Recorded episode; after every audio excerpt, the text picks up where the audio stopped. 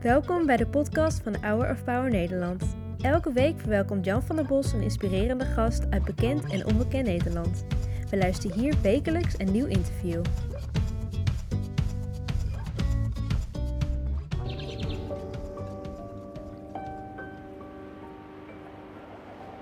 Ik had al vanaf jongs af aan het gevoel dat ik anders was.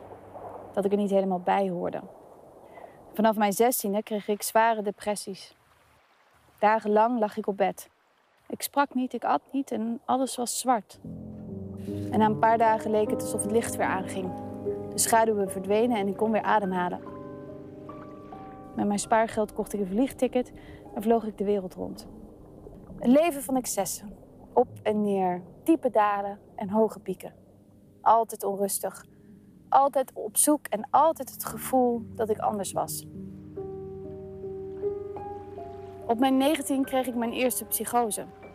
Tijdens het Oscarfeest van Elton John sprong ik met mijn vintage Christian Dior jurk in een zwembad. Ik was volledig de weg kwijt en ik hallucineerde. Ik sprak geen Nederlands meer. Ik heb een receptioniste en een agent geschopt. Een paar uur later werd ik volledig gedrogeerd wakker op de gesloten afdeling van het Cedar Sinai ziekenhuis in Beverly Hills. Hanna, wat een indrukwekkende beelden. Wat wil je vertellen met Uit de Schaduw? Nou, Uit de Schaduw is een documentaire waar ik eigenlijk voor het eerst uh, open ben over mijn hele verhaal. Uh, we zagen net een fragment en eigenlijk uh, na die gebeurtenissen kwam ik erachter of kreeg ik een diagnose, bipolaire stoornis. En ik was toen 19, of nee, ik was 20 of 21 toen ik echt de diagnose kreeg. En mijn wereld stond toen volledig op zijn kop. Um, ik weet nog heel goed dat ik op dat moment ook ging googelen van wat is dat nou en wat betekent het? En dat ik alleen maar de meest verschrikkelijke dingen las, de meest verschrikkelijke voorbeelden las. En mijn management op dat moment, ik was toen net begonnen met acteren, die zei: Dit moet je nooit tegen iemand vertellen. Dit moet je geheim houden, want je zal nooit meer een rol krijgen. Je zal nooit meer aan het werk komen als dit openbaar wordt. Het was een geheim en ik schaamde me. Ik, ik was echt, het voelde alsof mijn leven voorbij was. Ja. Um, op dat moment heb ik echt besloten van nou, dan ga ik het ook alleen doen. Ik ga er met niemand, behalve mensen die heel dicht bij me staan, over praten. En ja, dat is eigenlijk heel jammer, omdat zeker als het gaat om psychisch lijden, in welke vorm dan ook, het juist heel erg belangrijk is dat je wel met anderen erover kan praten.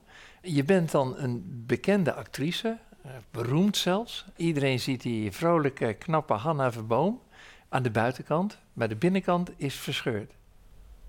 Ja, zeker. Nou ja, kijk, een bipolaire diagnose, of, of ja, het is een verzamelnaam. Hè? Ik bedoel, psychische diagnoses zijn in die zin anders dan medische diagnoses. Het zijn vaak ja, een, soort verzamelnaam van verschillende dingen.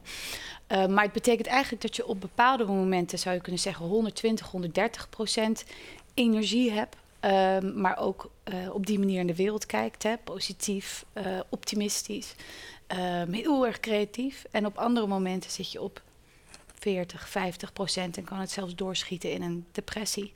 Dus het is een leven die eigenlijk gepaard gaat met golven. Ja. hoge ups en lage downs, zoals ja. ik ze dan noem. Um, en ja, dat was iets wat ik, wat ik verborg. Dus ja. ik uh, kon wel deels functioneren. Maar bepaalde periodes, zeker als ik depressiviteit meemaakte, dan bleef ik thuis en dan, uh, dan, dan deed ik dat alleen. Ja. Dus dat waren inderdaad periodes dat ik gewoon mijn bed niet eens uit kon komen. En, uh, en pas later ben ik gaan begrijpen dat dat daarmee te maken heeft. En, ja. En nog veel later ben ik me ook gaan realiseren dat dit soort psychisch lijden, dat dat ook vaak een nog grotere context heeft. Dus dat het ook vaak te maken heeft met bepaalde dingen die er gebeurd zijn in je jeugd, met trauma's. Uh, in mijn geval was ik heel vaak verhuisd, dus ik had eigenlijk helemaal geen wortels. Mijn ouders waren ontwikkelingswerkers in uh, Oeganda en Kenia. Um, nou ja, we hebben hele mooie, in hele mooie landen mogen wonen. En ik ben heel dankbaar voor de jeugd die ik mee heb gekregen. Heeft ook voor gezorgd dat ik later zelf sociaal ondernemer ben geworden. Ja. Maar tegelijkertijd ja, ben ik, was ik op mijn dertiende al volgens mij al dertien keer verhuisd. Dus ik had niet een soort vaste basis qua... Ja, precies. Ja. Um, nou ja, en, en, achteraf, als ik dan terugkijk... En misschien is dat ook wel hè, ons doel met het werk wat we doen met Uit de Schaduw. Is dat je, uh, als het gaat om psychisch lijden, dat we, dat we echt mogen gaan kijken naar wat is iemands context. Wat is iemands uh, systeem. Hè? Wat is de familie om je heen? Wat zijn de trauma's die je hebt meegemaakt? En op het moment dat je die kan uh, blootleggen, maar ook op het moment dat je het gevoel hebt dat je daarover mag praten, dat je jezelf mag accepteren, dat je geaccepteerd mag worden, um, dan komt er heel veel uh, ruimte om eigenlijk ook ja, meer te leven met die uh, psychische variaties, zoals ik het liever noem. Ik vind ja. psychische stoornis, of uh, het woord stoornis überhaupt, vind ik, vind ik eigenlijk niet het juiste woord. Ja. Je komt uit een diepgelovig gezin. Jouw opa en oma hebben een kerk opgezet, de Plantaris in Rotterdam. Hoe rijmde jij, opgegroeid in een gelovig gezin waar gebeden werd, uit de Bijbel gelezen, jouw situatie met de liefde van God? Moeilijke vraag? Um, nee, nee. Ik denk dat het een hele mooie vraag is. Um, ik denk als je kijkt naar hè, hoe we soms als maatschappij kijken naar de psychiatrie um, dan kan ik het niet rijmen met hoe ik God zie. Um, als je ernaar kijkt als het feit dat er psychische variaties zijn en dat er heel veel verschillende soorten mensen zijn die op een andere manier werken en die eigenlijk ook allemaal op een andere manier kunnen bijdragen in de maatschappij. Dus vaak zijn mensen met een bipolaire variatie zijn bijvoorbeeld heel erg creatief. Mensen met ADHD zijn vaak de allerbeste ondernemers. Uh, je zou kunnen zeggen, mensen met autisme zijn vaak goede programmeurs. Ik noem maar wat. Dus meer om te laten zien, het is belangrijk dat we focussen op de talenten van mensen met een psychische kwetsbaarheid, in plaats van alleen de kwetsbaarheden. En dus als ik het zo kijk, dan kan ik het heel erg rijmen met hoe ik God zie. Omdat ik denk dat God juist uh, heel groot is, veel groter dan we ooit zullen begrijpen. En ook de mens in heel veel verschillende vormen uh, heeft ge schapen. En dat daarom ook diversiteit, maar ook neurodiversiteit, zo ongelooflijk belangrijk is. Ervaar je ook zijn liefde? Ja, ik, ik ervaar heel erg Gods liefde. God is liefde.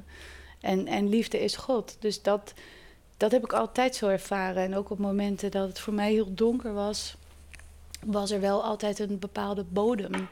Um, en dat vind ik ook heel mooi aan het geloof. Ik heb, ik heb soms wel moeite met het christendom, omdat ik denk dat we ook. Uh, dingen misschien verkeerd hebben gezien of uh, veroordelend. veroordelend of bepaalde dogma's.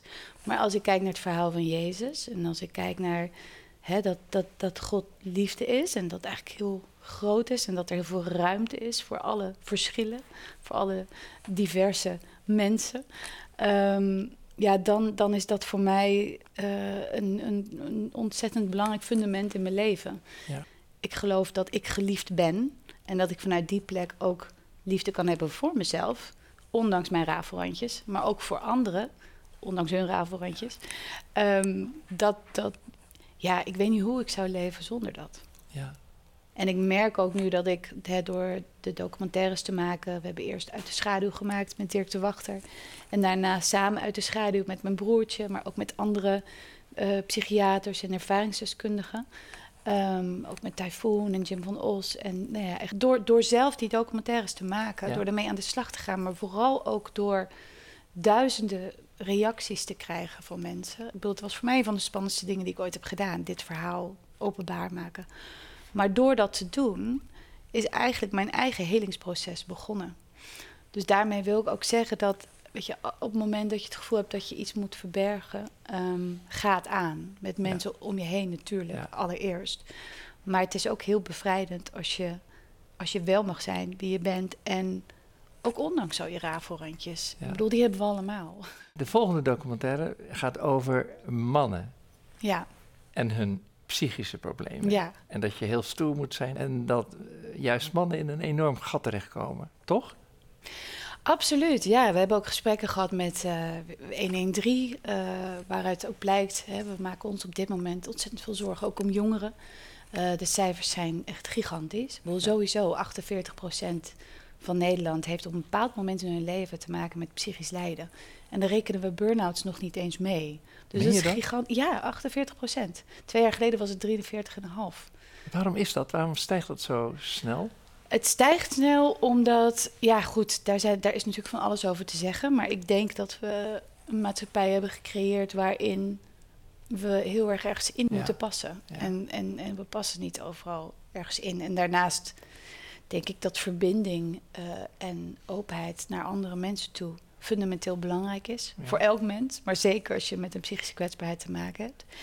En dat wordt eigenlijk ook steeds meer, ja, je zou kunnen zeggen, uitgefaseerd ook door de mobiele telefoon en door social media. We denken dat we verbonden zijn, hè, maar we zijn juist niet verbonden. Um, en ik denk dat dat ervoor zorgt dat, uh, dat het stijgt. En natuurlijk, hè, corona heeft, mee, heeft meegeholpen. Het feit dat er op heel veel verschillende vlakken natuurlijk grote crisissen zijn.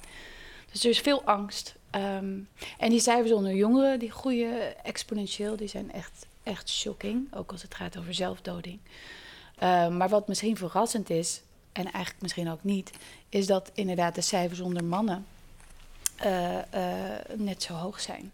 En wat nog het meest ingewikkelde is, is dat mannen er helemaal niet over praten. Als ze te maken hebben met nou ja, depressiviteit of zelfs met suicidale gedachten, wordt er niet of nauwelijks over gesproken. Meer dan de helft van de mensen lijdt, als het ware. Ja. Vroeger kreeg je een paar pillen en dan uh, zeiden ze van dat helpt je wel om op je diep depressiviteit heen te komen.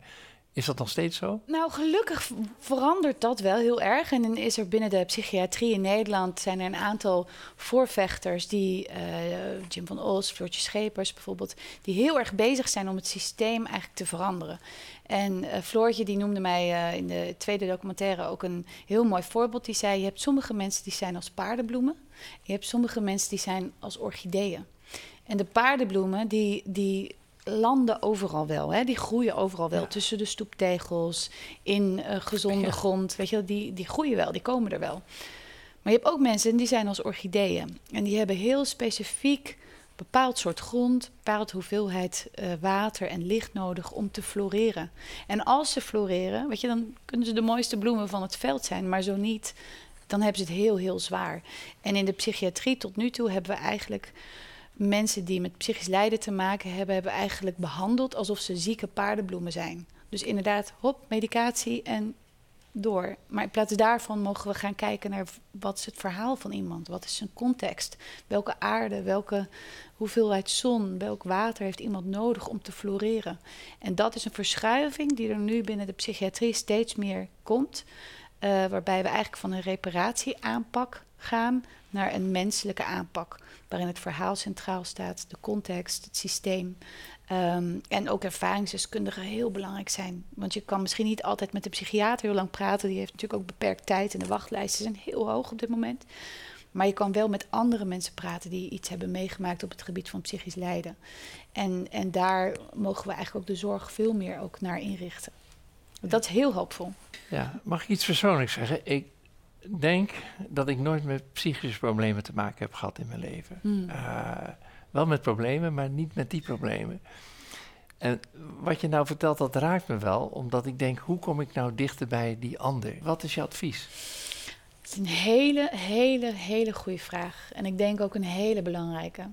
Want als, we, hè, als je gaat weer terug naar die 48% van Nederland heeft wel eens een psychische variatie meegemaakt. Dat betekent dat heel Nederland iemand kent die dat heeft meegemaakt. En ik worstelde zelfs met deze vraag. Uh, en de tweede documentaire, Samen uit de Schaduw, gaat er ook een beetje over. Want daarin ga ik op zoek met mijn broertje, Juda, die ook uh, een bipolaire variatie heeft. En ik dacht dat ik hem wel kon fixen. Ik dacht, ik heb zelf dit meegemaakt. Ik weet wat je moet doen. Weet je, ik belde hem vaak. Ik zei, nou, je moet dit doen, je moet dat doen. En tijdens de documentaire kwam ik erachter dat ik helemaal verkeerd zat. Je kan niet iemand fixen. Je hoeft het niet op te lossen. Je moet niet met oplossingen komen. Je mag naast iemand gaan staan en er gewoon zijn. En gewoon iemand opzoeken, pastaatje voor hem klaarmaken of voor haar klaarmaken. Er gewoon voor iemand zijn, met iemand wandelen. Dat is het grootste wat je kan geven. Um, en, en niet met oplossingen komen.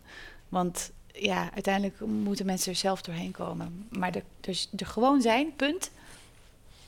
Dat is een heel groot cadeau. Want die neiging heb je om te zeggen, ik, ik, ik, ik wil het fixen. Dat we willen allemaal fixen. We willen de hele maatschappij wil alles oplossen.